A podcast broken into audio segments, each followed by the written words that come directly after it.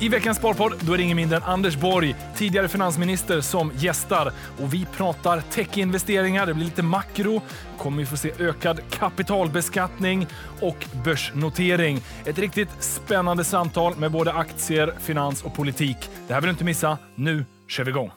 Jag säger välkommen, Anders Borg. Tack så hemskt mycket. Hur är läget? Mycket bra. Du, det här kommer bli ett samtal om eh, investeringar, lite börsintroduktioner och sen kanske vi får lite makropolitik och annat däremellan. Jag tänker nog att många så här, de känner ju dig som finansminister. Eh, men, men hur är du som investerare? För numera investerar du ganska mycket också, antar jag? eller? Nej, jag har ju jobbat med eh, på Alfred Berg och SE-banken och Citigroup eh, med olika typer av finansiella beslut under många år. Och för mig är ju investeringar för det första långsiktigt. Jag, jag tror att man ska spara.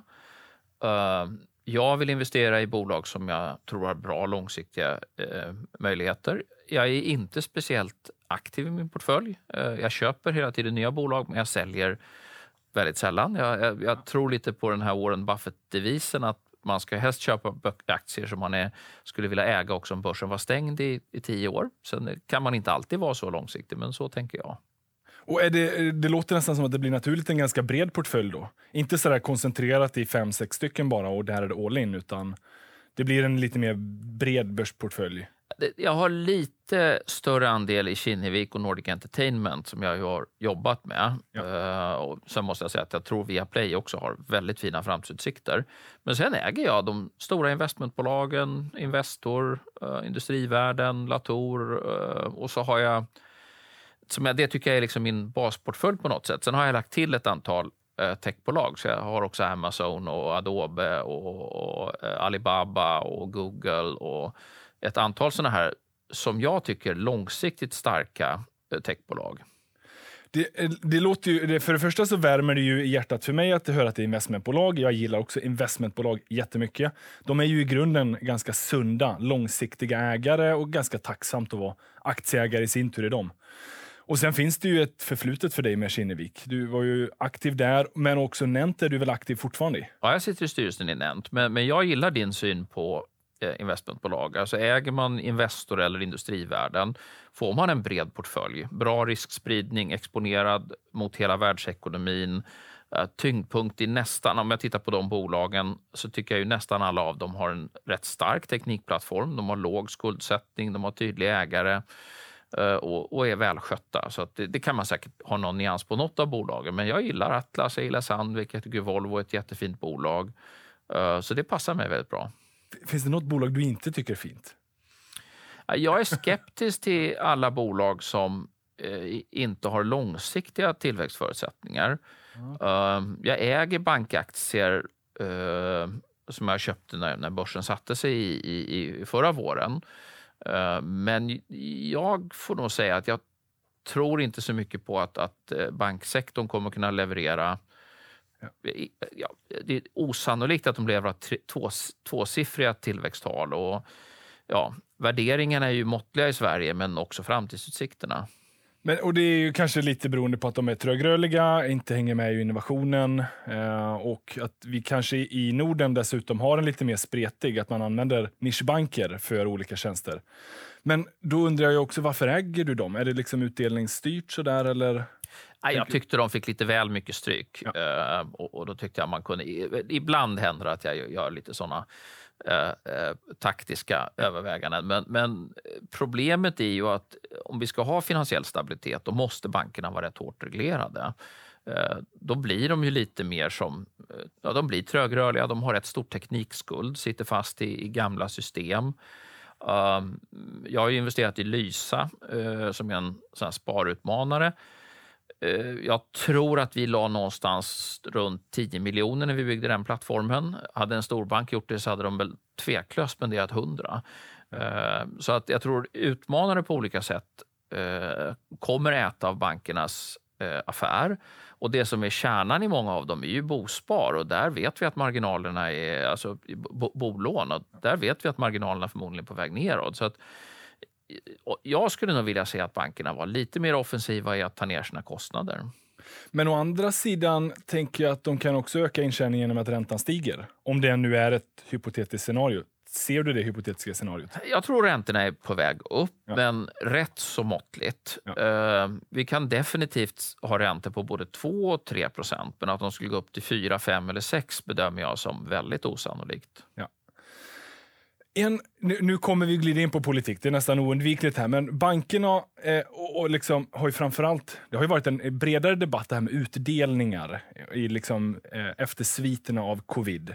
Framförallt då finanssektorn, att det har varit rekommendationer nu från Finansinspektionen.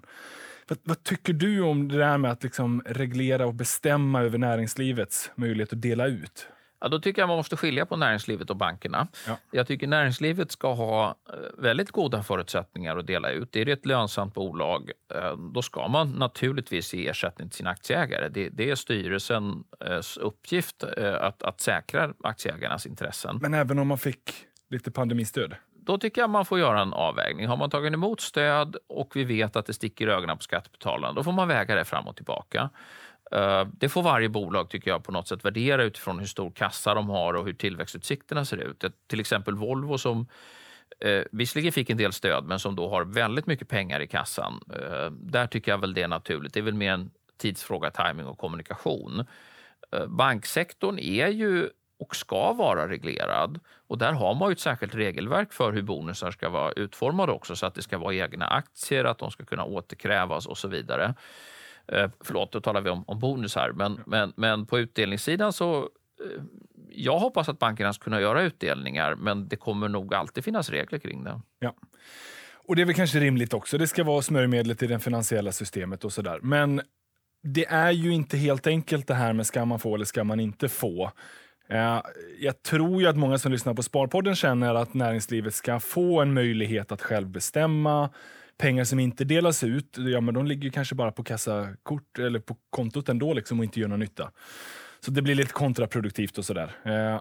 Det håller jag med om. Företagen ska inte ha en stora kassor, för då får de en ineffektiv kapitalstruktur. Det, det, kan man göra under perioder av extrem osäkerhet eller något sånt. Men det normala är ju att man ska kunna dela ut till, till aktieägarna. Eh, det tycker jag är rätt självklart. Ja. Du, jag får känslan av att du ändå som finansminister så måste man ju ha lite så makroperspektiv. Och du känns som du är ganska duktig på att förstå det där makroperspektivet. Hur mycket använder du det själv i din investeringsanalys? Är det en del av hur du liksom ser på saker? Jag tycker mer att man när man sitter i ett bolag eller investerar ska se eh, makrorisken som en sidorestriktion. Det man ska investera i är bolagets intjäningsförmåga, eh, vilka kassaflöden de kan generera, hur hög avkastning de har på eh, nya investeringar och hur mycket möjligheter de har att bygga mer kapital. För det är, det är bolag som skapar eh, hög avkastning och som kan återinvestera mycket i, i god avkastning som man, man, man vill äga. Eh, så jag tycker mer att, eh, men jag jobbar med olika bolag, då ska man nog mer se makrosidan som eh, risker kring valutor, räntor, marknader och då tycker jag mer det handlar om att man ska ha beredskap att gå in med kostnadsprogram om, om man tror att det är på väg mot en, en rejäl uppbromsning. Ja. Så jag makroinvesterar väldigt lite. Jag eh, investerar utifrån liksom en, en grundläggande mikroanalys av, av bolagen. Ja. Jag delar ju den bilden också. I slutändan är ju företagets förmåga att skapa de där framtida kassaflöden som är intressant för mig som investerare. Men, men det är ändå också lite kul att bara så där blicka ut över eh, landskapet vi befinner oss i. Nu är vi ju någonstans efter coronapandemin. Det är ganska mycket stimulanspaketer in i marknaden. Och än så länge har vi inte fått se en prisinflation, men vi har ju sett en tillgångsinflation. Här, hur tänker du kring alla de här? Vad, vad, kan det få för långsiktiga effekter? Alla de här stimulanserna som har skjutit upp både bostadspriser, börs och kryptotillgångar. Jag tycker det är väldigt bra att vi har fått kraftfulla stimulanser. Jag tycker Biden har imponerat på mig. Han har lagt nya paket bara under de här första hundra dagarna. Eh, det tror jag vi gör att vi får en exceptionellt stark tillväxt i år. Jag tror USA mycket väl mot slutet av året kan komma upp mot nästan 10% tillväxt. Det kommer också dra Europa och Kina är också starkt. Så att, eh, nu ska bolagen vara beredda att utnyttja möjligheter att eh, expandera, göra investeringar och, och jämfört med 2008-2009 så har vi ju inte samma oro för att investeringarna riskerar att stanna av utan det, det verkar som det är rätt optimistiska investeringsplaner. Det är klart att det kommer inflation. Jag såg att eh, USAs tidigare finansminister Larry, Larry Summers talade om den, eh, den högsta inflationen under vår generation. Men då får man komma ihåg att vår generation har ju liksom ett minne som går tillbaka till 90-talet. Så hög inflation är 3 procent. Ja. Det tror jag gott och väl vi kan leva med. Så jag är inte så orolig för det. Um, det är klart att USA-börsen är väldigt högt värderad, men i Europa är ju värderingarna mer måttliga.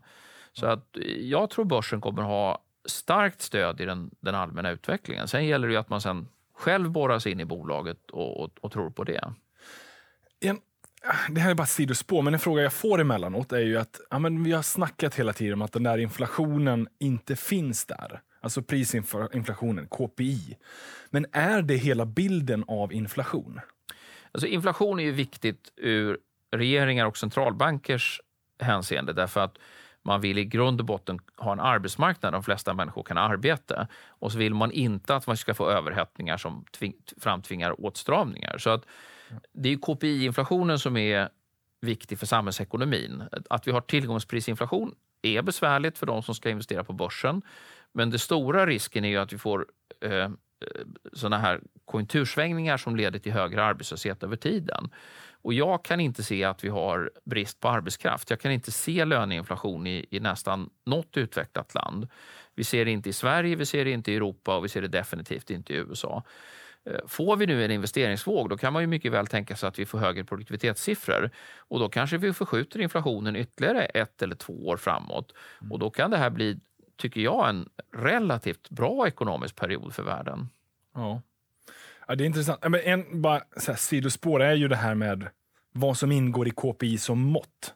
Att det har ju liksom använts ganska länge och att det i sig du... Numera använder ju förvisso då Riksbanken KPIF som ett mått där man liksom tar bort räntan. Men man upplever ju ändå att vissa saker kan öka i pris medan olja står still och hyresrätter står still. Men det är ju inte alltid liksom av marknadskrafter utan också lite reglerat. Nej, men det har ju förts diskussioner om om man skulle ta ett bredare mått, till exempel ett tillgångsprismått som innehöll bostadspriser och priser på finansiella tillgångar. Men de är ju väldigt slagiga och, och ska man då stabilisera det, då måste man ju framtvinga väldiga eh, svängningar i, i, i, den allmänna ekonomin. Då måste arbetslösheten börja variera upp och ner för att bostadspriserna eller börsen eh, rör sig på ett visst sätt. Och Det tror jag inte vore bra. utan mm, okay. eh, Vi vill ha full sysselsättning och prisstabilitet för att ha tillväxt utan allt för stora svängningar. Så jag, nej, jag tycker nog att den modellen är rätt klok. Ja, ja. Man, får, man får se det väldigt, väldigt långsiktigt. Det är väl det som är liksom de breda penseldragen, KPI-måtten och, och de bidrar med.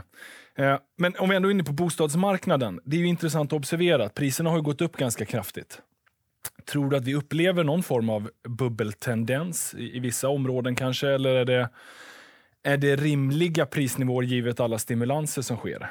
Alltså, normalt sett ska man ju tänka på bostaden som ett ställe där man bor och inte som en finansiell tillgång. Ja. Nu har man ju ofta en belåning på 50 procent eller kanske till och med lite mer. Har man då en långsiktig värdestegring som, som kanske ligger i, i linje med nominell BNP, alltså typ 4, 5, 6 procent, ja, då blir ju det en hygglig avkastning om man har en belåningsgrad. Eh, men jag tycker man börjar med att göra en en budget. Så här eh, mycket pengar har jag. Så här vill jag bo. Så här vill jag prioritera boende kontra bil och, och resor. Och, och sen därefter bestämma bostaden och inte kanske se bostaden som en, en del av pensionssparandet eller något sånt. Det är, det är bättre att man investerar i aktier. Ja. Och det är jättesunt och bra råd. Hur många tror du kommer att lyssna på det? Ja, men jag tycker nog att när man tittar på helheten av svenska hushåll så är inte jag så bekymrad över eh, överskuldsättning. Därför att tillgången har också ökat, arbetslösheten är låg. Eh, är man beredd att, att verkligen säkra att man har ett jobb, då tror jag att de flesta klarar sitt boende, även om priserna skulle gå ner 10 eller 15 procent vid en, vid en sättning. Det som är bra att vi inte har fått en nedgång på bostadspriserna är ju att en, en normal djup ekonomisk kris, då, då faller ju börsen 40-50 procent, så faller bostadspriserna 30-35 procent och så stramar alla åt och slutar konsumera och då får vi hög arbetslöshet och, och en långvarig lågkonjunktur. Det har vi sluppit den här gången. Bankerna är någorlunda sunda. Bostadspriserna har till och med rört sig lite uppåt och arbetslösheten har inte stigit speciellt mycket. Åtminstone om, i Sverige har den gått upp lite, men om man blickar över USA eller Europa som helhet. Det tycker jag är bra. Ja, men, äh, men verkligen. Det var otroligt väl hanterat av alla parter genom hela krisen. Men, men det går ju inte heller... Tänker jag, nu vet jag inte om det är jag som så aktivt ser, men det är ganska många som har rätt hög skuldsättning. Du säger 50% på bostad. Det är ju bra. Det är väldigt få tror jag som har det. De flesta, i alla fall nya som kommer in, de har ju närmare 80-85 kanske till och med 90-95 eh, i vissa lägen. Jag tror snittet för Sverige ligger på lite över 50.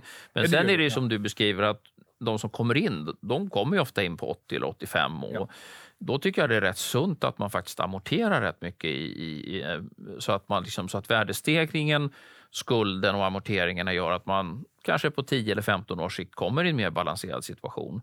Men å andra sidan tycker jag att det är rätt naturligt att unga människor som till exempel får barn där blir ju bostaden oerhört viktig och då får man spara in på lite andra saker. Då kanske man får resa lite mindre eller kanske inte ha en riktigt så dyr bil eh, och så vidare. Ja. Nej, det, är, alltså, det är verkligen jätte, jättesunt tänk och jag hoppas ju och jag tror att många ändå tänker så. Men sen kommer det ju ändå alltid finnas en, en, del som inte resonerar så, gillar belåningen för att få hävstång på investeringen, har sett bostadspriserna bara stiga i 5, 10, 20, 30 år snart, oavbrutet nästan. Och bara oundvikligen primar sig själv till att tänka det där som en investering. Och sen tänker man också att ja, men centralbankerna de är snabba numera. De stimulerar om det blir problem. Bättre att ta rygg på det där. Bättre att vara maxbelånad. Fast man kan också vända på det. Vi har ju eh, framförallt i Östeuropa och Ryssland en kultur av att man inte ska belåna sig. Så där eh, amorteras man i genomsnitt sina bolån på sju år. Uh, och det är klart att då skulle man förmodligen få en mycket mindre bostad än vad man skulle önska sig. Och definitivt skulle man inte ha en möjlighet att äga några aktier. Och då får man ju en portfölj om man tänker inför pensionen som blir uh, lite för tokig. Det, det, räntorna kommer ligga på 2-3 procent. En viss belåningsgrad på bostaden är rimlig, men sen ska man alltid ta höjd för att man klarar ett fall på 10 eller 15 procent på kort sikt utan att vara, bli orolig. Sen tror jag att vi har urbanisering. Eh, vi har högre födelsetal i, i storstäderna. Tillväxten i storstäderna är bättre. Arbetsmarknaden fungerar bättre. Och då är det klart att eh, givet att vi har byggrestriktioner så har vi ett tryck på bostadsmarknaden i Göteborg, Malmö och Stockholm. Ja. Det, är, det går att vrida och vända på det där jättemycket, men det är, det är intressanta aspekter i det, eh, oavsett har priset gått upp. Och Det har ju hänt på en hel del tillgångar. Jag tänker att det är just nu ett ganska högt intresse för börsen. Börsen är uppe i all time high. Vi har sett sådana här fenomen som GameStop. Jag vet inte om du noterade det i början av året. Vad tänkte du kring hela det där? Var du med i GameStop? Eh, verkligen inte. eh, alltså jag tänker på mitt sparande på jag är 53 år, så att jag kommer förmodligen inte konsumera så mycket av mitt sparande de närmsta 20 åren. Utan då är jag långsiktig med det. Eh, sen kan man ju vilja se eh, på börsen som ett kasino. Eh, man kan ju tycka att det är, det är väl inte så förargligt om, om någon tycker det är roligt att ha 5 000 kronor där de investerar hejvilt. Men det får ju aldrig vara mer än en pytteliten del av eh, sparandet. Jag tror för de allra flesta ska huvuddelen, nästintill allt, ligga i, i eh, långsiktigt eh, aktiesparande. Men om man om man väljer mellan att spela på, på Lotto, eh, Betsson eh, eller att eh, flytta runt lite i sina aktier. Jag tycker det är rätt harmlöst om människor tycker det är kul att, att handla med aktier. Om det bara rör sig om mindre belopp och som de vet att de kan förlora. Och jag tror nästan alla privatpersoner ska hålla sig ifrån avancerade finansiella kontrakt. Utan då ska man direkt äga aktier eh, om man nu vill hålla på med det. Jättebra tips. Och Det är pensionssparandet för dig. Men om du skulle få ge tips till någon som är typ 20-30 år, hur skulle de lägga upp sitt pensionssparande? Om du, skulle, om du fick välja. Liksom. Ska man bara ha aktier?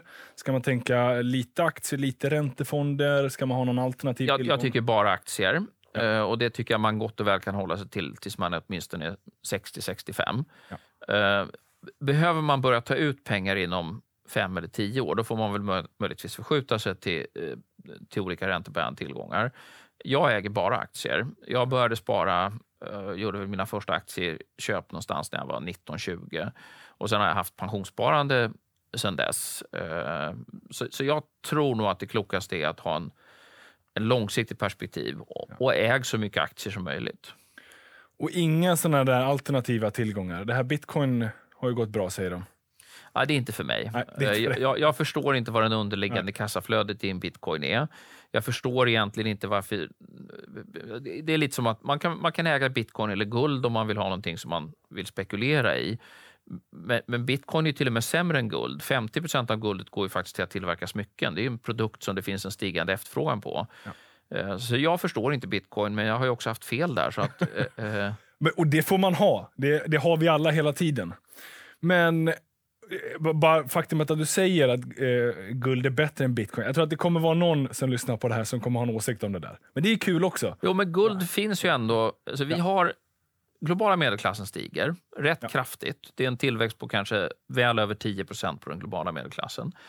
Eh, märkesvaror, lyxvaror, smycken, diamanter och guld tror jag, ju fler indier som blir medelklass, ju fler kineser som har en stabil ekonomisk bas, då kommer man vilja... Och så länge eh, män vill köpa absurt dyra bilar så tycker jag vi har respekt för att många kvinnor faktiskt vill köpa sig både smycken och, och, och väskor. Eh, och de flesta väskor är sjukt mycket billigare än de bilar som killarna tycker familjen ska ha råd med. Ja.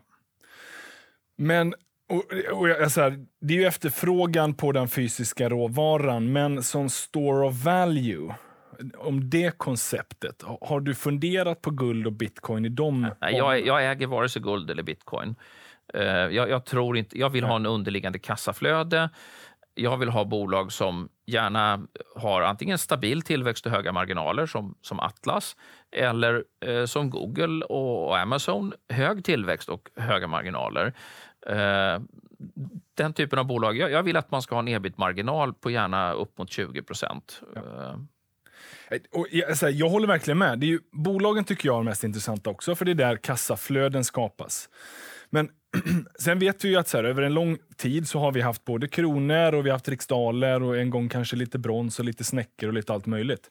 Oavsett vad vi har haft som betalningsmedel, det är bolagen eller de eh, bolagsliknande formerna som har skapat de där kassaflödena, som har skapat nya sedlar. Och du vet att varje gång vi har bytt betalningsform så har det varit för att vi har haft hyperinflation. Så att man har övergett en gammal eh, dollar eller vad det nu är och istället gått till något som man uppfattar som säkrare. Och idag har vi väldigt låg inflation så man kan välja mellan kronor, euro och dollar och vara hyggligt säker på att det där är stabila valutor långsiktigt. Och snart kommer centralbankerna med digitala valutor. Eh, kronan kommer säkert ligga långt fram. Kineserna har redan börjat experimentera med det. Då har jag svårt att se vad, vad bitcoin tillför. Och Sen tycker jag det finns en annan aspekt och det är att det kräver väldigt mycket koldioxidutsläpp för att köra de här algoritmerna. Och ja. Det har jag svårt att se varför jag skulle välja en betalningsform som skapar klimatproblem. Nej, nej det är ju, när man liksom aktivt så väljer så framstår det inte som eh, så självklart. Men sen finns det ju hela den här ådran av att ja, men, staten vill ha mycket inblandning i vad jag gör med mina pengar och allting sånt. Det, är ju därifrån det, det bekymrar liksom... inte mig så mycket. Nej. jag, jag vill hellre ha en, en, en ja. valuta som centralbanken garanterar. Ja. ja, det finns ju en otroligt mycket mer stabilitet i det där. Eh, och Det är ju det största kritiken mot bitcoin eller kryptovalutor. att Det är alldeles för volatilt oavsett vad man tycker.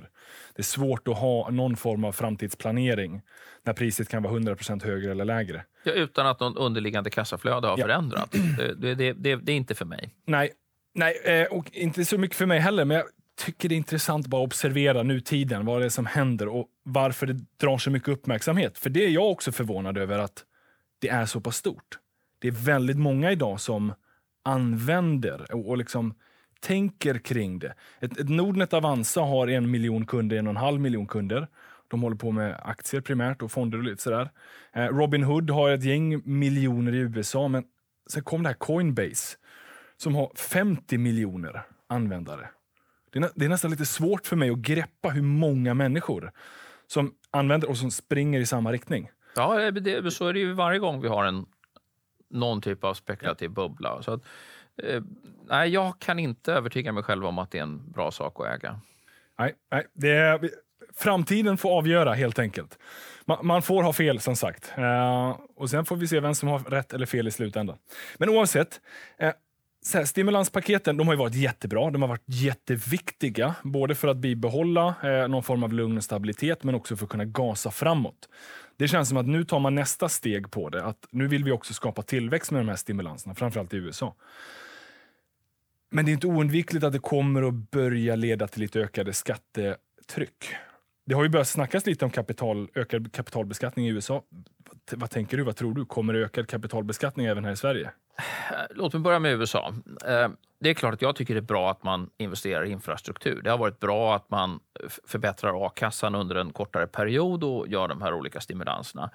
Att höja kapitalinkomstbeskattningen i USA tror jag är jättefarligt. Eh, går man tillbaka till hur riskkapitalmarknaden sett ut i USA så var det ju faktiskt så att när Jimmy Carter respektive Ronald Reagan sänkte de här skatterna så var det därför att det fanns inga bolag i USA som var nystartade och som växte snabbt. Det, det fanns samma debatt i, som vi tidigare hade i Sverige och USA. Eh, idag så är 30 procent av amerikansk eh, BNP från eh, startup-sektorn. Det hade inte inträffat om man hade legat kvar med 40 procent eller 50 procent kapitalinkomstbeskattning. Nu tror jag att det i de här paketen kommer finnas undantag för onoterade och för startup-investeringar även framgent i USA. Men skulle man göra en allmän 40% kapitalinkomstbeskattning, då slår man ut VC-sektorn och då blir det inga nya Google och, och Alphabet och, och eh, Amazon i, i, i USA. Det, det, det, alltså riskkapital är väldigt lättrörligt. Eh, grundare som har lyckats med ett bolag är oerhört viktiga för de som ska starta nya bolag. Därför att får man in, i de flesta startups som jag är med i, så finns det folk som har jobbat på Klarna eller varit, gjort en resa i iSettle eller varit med i Pricerunner. De har väldigt mycket att tillföra och de har också en möjlighet att göra investeringar i bolag som kanske kommer gå med förlust i, i 6-7 år med en väldigt hög risk. Eh, så det faktum att vi har de här 3.12-reglerna som gör att man faktiskt kan investera i onoterat i fåmansbolag och aktiebolag utan att behöva betala reavinstskatt eller bolagsskatt. Det är väldigt viktigt. Skulle man ta bort det, då slår man ut vår VC-sektor. Ja. 3.12-reglerna lär ju kanske inte förändras innan valet i alla fall, men det, det pratas ju om att man vill se någon övergripande liksom, skattereform. På vilket sätt då behöver man, om vi bara liksom fokuserar på Sverige, vart, vart behöver man plocka in pengarna för alla stimulanskostnader?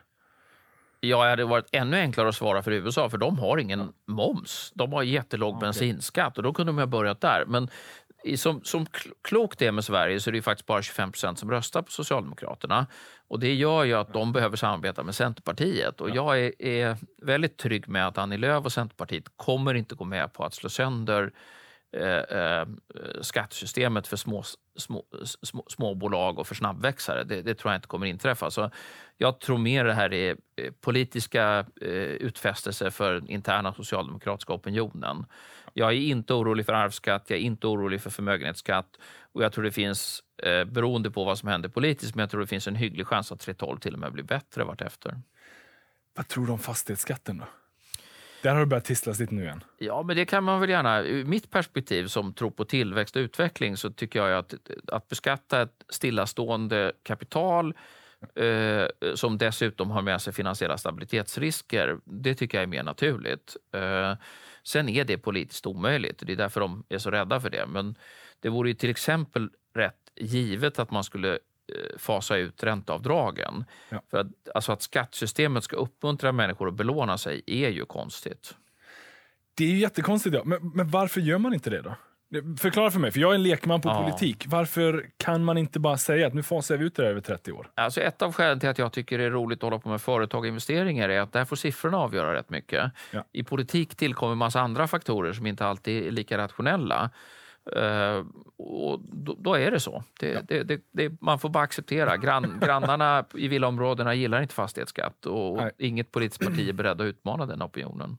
Nej, så det lär ju liksom inte bli en fastighetsskatt för det vore ju... men möjligtvis kanske då någonting på ränteavdragen, men det har man ju också varit väldigt försiktig med. Ja. Investeringssparkontot, beskattningen där, den har man justerat några gånger. Nu vet man inte, skulle räntan öka så får man ju lite medvind då i skatteintäkter för då blir det ett högre schablon eh, beräkning. Men...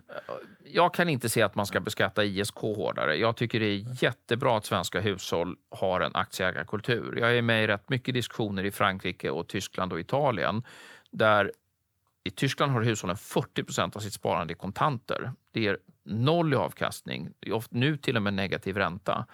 Eh, sen äger man i sin pensionsportfölj ofta 70 statsobligationer. Det, det, kan vem som helst som har en miniräknare, räkna ut att om man har 6 eh, avkastning på sin pension i 30 år, då har man ett rätt bra läge. Har man 1% eller en halv procents avkastning i 30 år, ja då sitter man i princip still. Så att, att vi har en aktieägarkultur i Sverige är oerhört viktigt och det ska vi vara väldigt glada för. Ja, och den växer, vilket är också jättekul. Det här senaste året har vi fått jättemånga nya in på börsen. Eh, och egentligen det senaste decenniet. Sen ISK, det var ju en eh, ganska bra eh, för just sparkulturen i Sverige. Ja, det var ju det som var syftet, att det skulle vara enkelt att direktäga aktier, att man, inte, att man skulle kunna köpa och sälja aktier utan att behöva ta hänsyn till reavinsteffekter. Och ur statens perspektiv, att man fick en löpande skatteintäkt istället för en möjlig, potentiell, möjlig, möjlig, möjlig skatteintäkt någon gång i framtiden. Ja. ja. Nej, men vart eller så här, kommer man behöva öka på kapitalbeskattningen i Sverige? I sådana fall, vart finns det då potential? Eller hur ska man lösa? Behöver man lösa de till, efter Till börja med så skulle jag ifrågasätta om Sverige behöver högre skatter. Ja. Sverige har höga skatter jämfört med de flesta andra länder. Uh, jag tycker vi kan leva med ett, ett, ett, ett uh, lite högre skattetryck än till exempel USA har. För vi har ju fri sjukvård, vi har utbildning och skola och sånt för, för alla och det tycker jag är bra.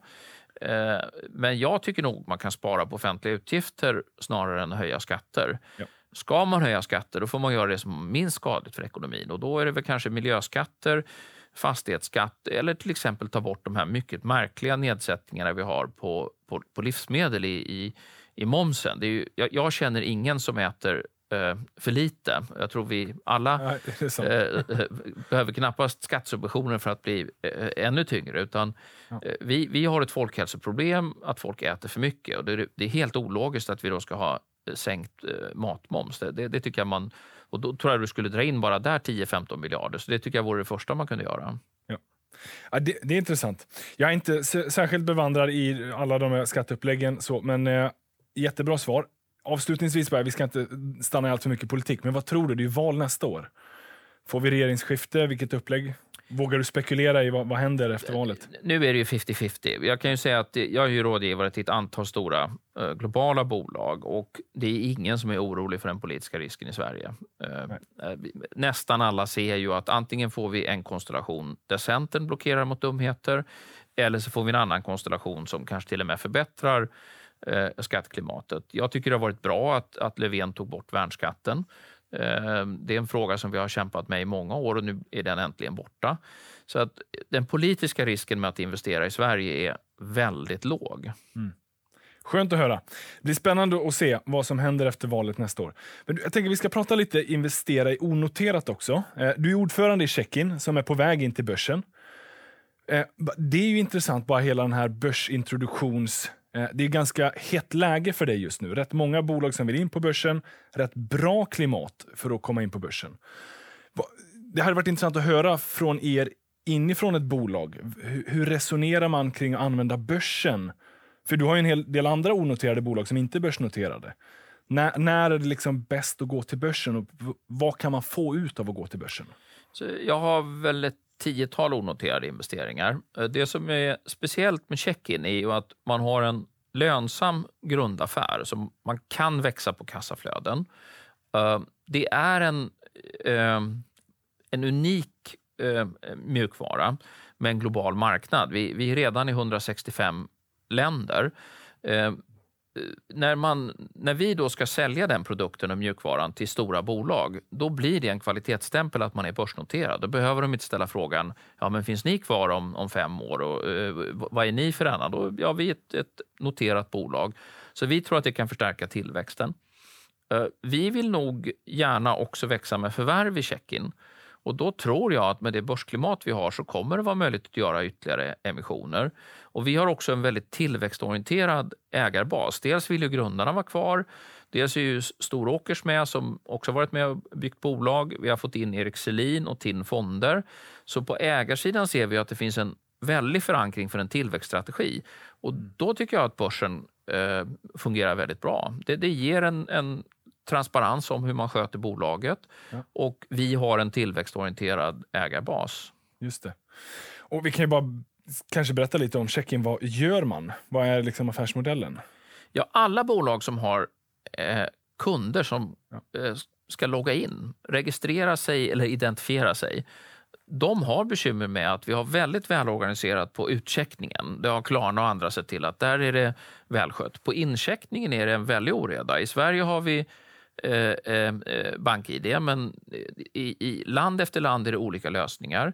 Vad vi gör är att vi har en mjukvara som optimerar hela den här processen.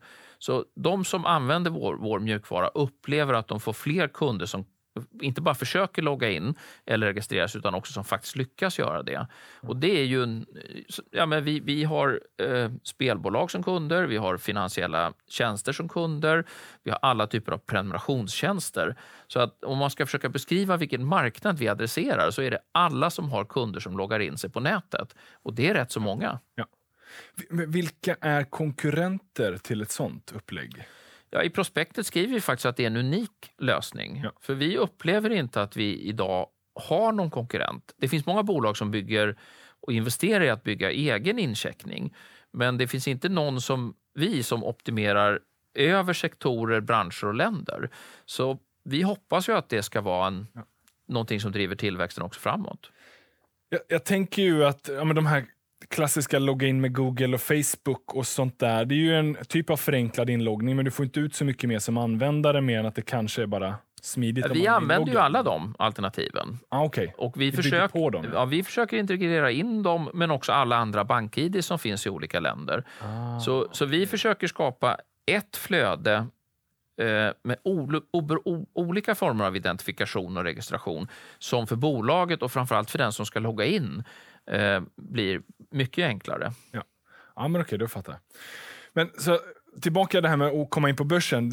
Börsen är perfekt då för att kunna göra en ganska bra aggressiv tillväxtresa, ha möjligheten att resa kapital om man behöver, eh, kunna få den här tryggheten och, och någonstans verifieringen på att man har uppnått en viss kritisk storlek för liksom, fortsatt kundanskaffning. Hur, hur resonerar du som investerare? Är, är dina börsnoterade investeringar, är de då liksom lite mer sådär vinstkassaflöde och de onoterade är fortfarande lite mer förhoppning generellt sett? Eller? Ja, så är det ju. Eh, det är klart att de onoterade, jag har ju varit inne tidigt i, i, i mina onoterade bolag, så jag investerade första gången i Checkin 2017 och, och, och sen har jag gradvis byggt upp en portfölj. Eh, sen varierar de också. Jag är också ordförande i ett bolag som heter Selhall som är ett eh, infrastruktur, social infrastruktur. Vi, där är det ju en, mycket mer påtagligt att där, där, finns det ju ett substansvärde i termer av de fastigheter vi, vi bygger och äger och utvecklar. Eh, men alltså jag tycker man ska titta på, tror man på grundarna? Eh, vad, har de, vad vet man om dem? Hur väl känner man dem? Hur bra är teknikplattformen? Och, och, där tycker jag man ska tänka i två steg. Dels hur bra den är när man investerar, men sen teknikplattformar i all lära, de måste kunna utvecklas. Du måste ha en innovationsresa som gör att du har en fördel, en, en, en, en liten vallgrav runt bolaget också om fyra fem år. Så plattformen måste vara bra, men också kunna utvecklas. Och sen måste man ju helst vara i ett område där man känner att ja, men det finns inga konkurrenter som enkelt kan kliva in här. Det här är kanske en helt ny marknad som inte finns. Uh, och det ska finnas en marginal. När jag tittar på en, ett, ett, affärsplan då vill jag att marginalen ska gradvis stiga. Så att fem, tio år in i resan, då ska det vara uppenbart att man faktiskt tjänar pengar och tjänar ordentligt med pengar. Ja. Typ ett evolution gaming? Som... Jag gillar SaaS-bolag, alltså mjukvara där det kostar noll att ta på en ny kund och helst också med väldigt låg churn. Så att om man har en hygglig tillväxt då bygger man upp en, en intäktsflöde som blir återkommande år efter år. Uh, och den strukturen har ju Checkin med sina kunder. att man, Det är relativt billigt att uh, gå in som kund men sen lägger man på fler tjänster och så lägger man på fler områden och nya marknader och så blir det fler kunder. Och då ser det ut som en, tycker jag, en affärsplan som jag kan tro på. Ja. Det låter som att det är väldigt mycket tillväxtorienterat, skalbara affärsmodeller. Eh, en hel del Buffett det där med moats och att de ska vara långsiktigt, inte bara stabila utan också byggas på. Eh, men ser du en sån här, eller har du det i bakhuvudet, man pratar ju ofta om risk, eller tillväxt och värdebolagen och nu tillväxt har ju haft en otrolig skjuts och många säger att det är räntedopat för det gör ju att pengar är ganska billigt att, att använda för tillväxt. Tänker du liksom i de termerna också? Vad händer om räntan går upp? Eh, kommer räntan gå upp? Eller är det än en gång tillbaka bolaget? Har de förmåga att skapa kassaflöden? Alltså jag har ju lagt en aktieportfölj som ska ge mig mitt grundläggande pensionssparande i investmentbolagen. Ja. Eh, Kinnevik Investor och Industrivärden och liknande. När jag sen adderar tillväxtbolag så är det därför att jag tror på dem långsiktigt. Och då är det klart att det spelar roll om man har tur eller otur med, med, med värdering just i år man går in. Men jag köper ju hela tiden. Och jag har varit rätt länge i bolag som Amazon och Alibaba och, och, och så. Så att eh, det är klart att det här är har man högt P-tal, då är det en lång duration. Det är en lång vinst, eh, serie av vinster man så att säga prissätter. Ja, då kan det säkert sätta sig. Men om bolaget växer med 20 procent och har marginaler på 20 procent Eh, och man tror att den resan, att det finns bolaget har förmåga att addera ny tillväxt framåt. Så Amazon till exempel, när jag gick in i det var ju det ett e-handelsbolag. Sen får vi hela molntillväxten och nu kanske vi har fem eller tio år där de kan växa 25 30 procent på, på, på molntjänsterna och Google är lite samma. Sen är det klart att om fem eller sex år då måste jag fundera på har Amazon någon ny plattform här som kan ge en ny S-kurva med eh, 30-40 eh, procents tillväxt? Eller ska jag då hoppa till en annan? Så att, alltså, investerade man i Intel, Qualcomm och Ericsson 1990 hade man en bra resa fram till 2000. Sen har ju det varit rätt mediokra bolag, för de förmådde inte att addera nya tillväxtplattformar. Ja. Så att, man ska nog värdera det lite löpande, men jag gillar 20% tillväxt och 20% marginaler. Det tycker jag är en bra bas att titta på bolag som uppfyller. Ja, men det är snyggt. Det är väl den där 40 procent. Den tycker jag är rätt sund. Den är supervettig. Eh, tänker du att det kan kompenseras lite? Då? Kan marginalen vara högre i början när tillväxten är lägre? Eller vill du ha liksom jag skulle ungefär? helst vilja att marginalen, som det gör i SAS-bolag, ja. faktiskt stiger. Och jag menar, Microsoft till exempel, som jag inte investerat i tyvärr, eh, eh de har ju faktiskt ett P tal som är väl under 40 om man tittar på, på framåtblickande PE och väldigt fin tillväxt. Och en, det här är, deras molnplattform och de nya teknologier de adderat till det tror jag är, har väldigt goda utsikter. Ja. Behöver man ha internationella bolag? Har vi inte ganska många bra bolag här i Sverige? Eller, jag har det mesta av mitt aktieägande i, i svensk, svenska och svenska noterade eh, bolag. Men, men sen är jag väldigt förtjust i teknologi och det är ja. klart att jag tycker såna här bolag som Amazon och Google, eh, jag är imponerad av dem. Ja. Spotify är inte ens på svenska börsen. Nej, jag, jag, har inte köpt de här bolagen för att de är dollartillgångar. Jag har ingen uppfattning om vad dollarn ska gå på, på 10 eller 20 års sikt. Men jag vill ha bra bolag. Just det. Men kan det ändå inte, det påverkar ändå din portfölj om dollarn går upp eller ner och sådär över tiden. Så att, är det därför du ändå har valt majoriteten i Sverige? Eller det investmentbolag, det är stort stabilt, jag vet vad jag får? Alltså, om man tittar på svenska investmentbolag, oavsett om vi då tar Latour eller eh, Kinnevik, det är ju väldigt mycket utländska tillgångar i dem. Så det är ju inte så att man slipper omvärlden för att man äger industrivärden. Går det åt pipan för Volvo eh, i den globala marknaden, då lär det synas i i, även på den svenska börsen. Så att eh, jag investerar inte i valutor. Det är inte min grej. Jag, tycker det är, jag har hållit på med valutahandel professionellt. Så att jag vet att, att det är väldigt svårt att förutse vad en valuta ska ta vägen. Eh, så jag föredrar att titta på bolagen och försöka gräva så mycket jag kan i, i, i deras teknologi och deras plattformar och gärna någon megatrend som liksom ska ligga bakom och ge dem stöd. Vilka megatrender ser du framför nu då? Det är digitalisering förstår jag ju med check-in. Helt uppenbart. Digitaliseringen tycker jag är en megatrend som kommer att hålla i många år. Vi har en stigande global medelklass, så, det finns Eh, konsumentvarumärken tror jag har en eh, om, om de har en global styrka och kan rida på de där trenderna tror jag är, är, är bra. Ehm, sen gillar jag att om man tittar på våra börsbolag, då har de ju ofta en rätt stark teknologikomponent. Sandvik är världsledande på autonoma gruvutrustningen. Eh, Atlas sitter med den här vakuumdelen som får driv från hela digitaliseringen. De har låg skuldsättning. Eh, de har starka ägare, eh, bra bolagsledningar och eh, har också om, ni tittar på sven, om man tittar på svenska bolag och jämför dem med tyska så har våra ofta en mycket renare och klarare organisationsstruktur. Mm. Så att, nej, jag gillar svenska bolag. Ja. Vad tänker du om transport? Eh, här mikrotransporter, Voi-liknande? Jag är investerad i Voi. Ja. Uh, vi pratade om på hissen, så jag var tvungen till att fråga. det har varit ett fantastiskt bolag. Otroligt ja. starkt team. Uh, gillar grundarna enormt mycket. Uh, mikromobilitet har väldiga förutsättningar i Europa. Mm. Vi har hög grad av urbanisering.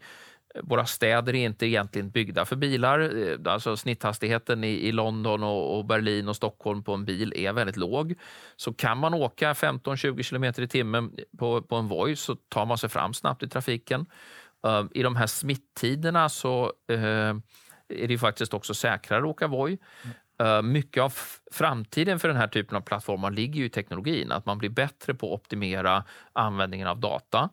Uh, och då tror jag bolagen har väldigt bra utsikter. Ja. Sen vet man ju aldrig, men jag gillar ju Voi. Jag tycker det är en, dels använder jag den nästan dagligen ja. och dels eh, gillar jag bolagsledningen. Måste man testa företagets produkttjänst? Är du en sån som gillar att testa? Att så här lyncha och se om du kan förstå den? Är det ett krav för dig? Eller det... ja, jag, jag, har inte åkt runt i Volvos lastbilar, det, okay. det ska jag erkänna. eh, eh, och jag har ingen erfarenhet av, av Atlas vakuumdivision. Eh, eh och, och, och eh, så, så, ja och nej, men det är klart att eftersom jag själv använder Amazon till exempel, jag har ju handlat böcker där i, i decennier, då fattar jag liksom varför det är bra. Jag, jag har jobbat med rätt mycket med AI, artificiell intelligens, eh, på Ipisoft i USA som är väl åtminstone ett av de ledande bolagen inom eh, natural language processing. Och det var ju uppenbart att när vi byggde större system för stora bolag, molnet är ju nyckeln. Ja. Och, och, de vinster man har av molntjänster i termer av att kunna uppdatera mjukvara och, och, och, och göra väldigt stora eh, kostnadsbesparingar gjorde ju att, att det, det, kände jag att det här, är, det här kommer växa. Eh. Finns det någon sån där trend eller någonting sånt som du försöker undvika? Jag tänker det finns ju många fler. Det är både mat, eh, liksom mathantering on, online, digitalt, eh, sjukvård, hälsovård, online, digitalt. Det mesta som är digitalt tror jag på, ja. om det är rätt affärsmodell och stigande marginaler jag är mer skeptisk till traditionella sektorer som telekom, försäkringar, eh, för den delen banker, eh, där jag inte kan se att de kan leverera tillväxt på mer än ungefär BNP. Det är, det är ofta eh, oro, orolig för att marginalerna kommer bli mer pressade framåt eh, och där jag inte riktigt ser vad som skulle kunna ändra konkurrenssituationen. Vi, vi i Europa har ju väldigt eh, hård reglering kring konkurrenslagar och det har ju hämmat till exempel utbyggnaden av 5G något alldeles. Vi, vi, vi gör ju en, en, vad är det, hälften av USA och en tredjedel av Kina i 5G-investeringar. Därför att vi inte tillåter lönsamhet i telekomsektorn. Mm. Men innan man tillåter det så är det en sektor som jag, jag, jag undviker försäkringsbolag, banker, telekom, traditionell retail. Eh, det är, en, det är en sektor som har tappat på börsen enormt de sista 20 åren. H&M har varit ett bra bolag, så jag vill inte säga något negativt om dem, men traditionell retail vill jag inte hålla på med. Ja. Ja, men Inditex har ju också varit ganska framgångsrika. Så men men ju, då har du ju också nämnt dem. Ja, Inditex och H&M. Ja. Eh, Mark Spencer och massor av de här bolagen har ju gjort resor på börsen ja. som har varit jättetråkiga. Ja. Ja, det är sant. Det låter ju som att det är de här väldigt hårt reglerade branscherna, försäkringar, bank, finans, där det finns typiska legacy-strukturer. Där det kan nu också dyka upp nya utmanare. Eh. Utmanarna äter, Eh, tekniken är underinvesterad, man sitter fast i gamla koboltbaserade system. Uh, man är väldigt försiktig från företagsledningarnas sida och vågar inte ta i kostnadssidan. Uh, ja. Nej, det är, inte, det är, inte, sånt som jag tror så mycket på. Men jag, det kan man ha fel om. Det är fördelen med aktier är att det finns tusentals, tiotusentals. Så ja. man kan själv välja dem man tror på. Man behöver ju inte behöver inte tro något dåligt om dem man inte investerar i. Man behöver ju bara tro på dem man själv väljer. Så är det ju. Så är det ju. Men då måste jag ju ändå... Så, så här, Kinnevik äger du ju. Och där finns det ju ändå lite Tele2. Ja, men Tele2 är å andra sidan kanske det bäst skötta telekombolaget i Europa, om jag nu får ja. Ja. säga det om okay. dem. Men... Och jag vill säga att jag tycker de, den resa de har gjort genom att våga ta i kostnadssidan ja. eh, faktiskt har varit eh, imponerande och de har en väldigt bra kapitalstruktur. Så att, om jag är tvungen att äga ett, ett telekombolag så skulle det vara Tele2 och det gör jag via Kinnevik och det är jag nöjd med. Ja, okay. Men Kinnevik har ju också haft en historia av att dela ut en del bolag. MTG, eh, Millicom, Zalando, Tele2? Frågetecken.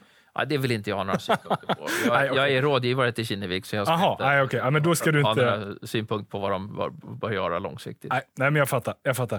Uh, du, Anders Borg, jag tror att vi skulle kunna prata i all evighet om uh, investeringar och makro och ekonomi och sådär. Jag bara avslutande fråga. Det här är Sparpodden. Du är gammal finansminister. Är du sparsam som person? Eller är du slösaktig?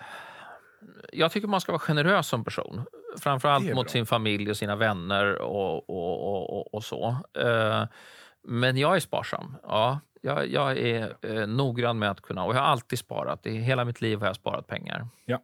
Och investerat i tidig ålder och byggt den här ränta på ränta. Ja.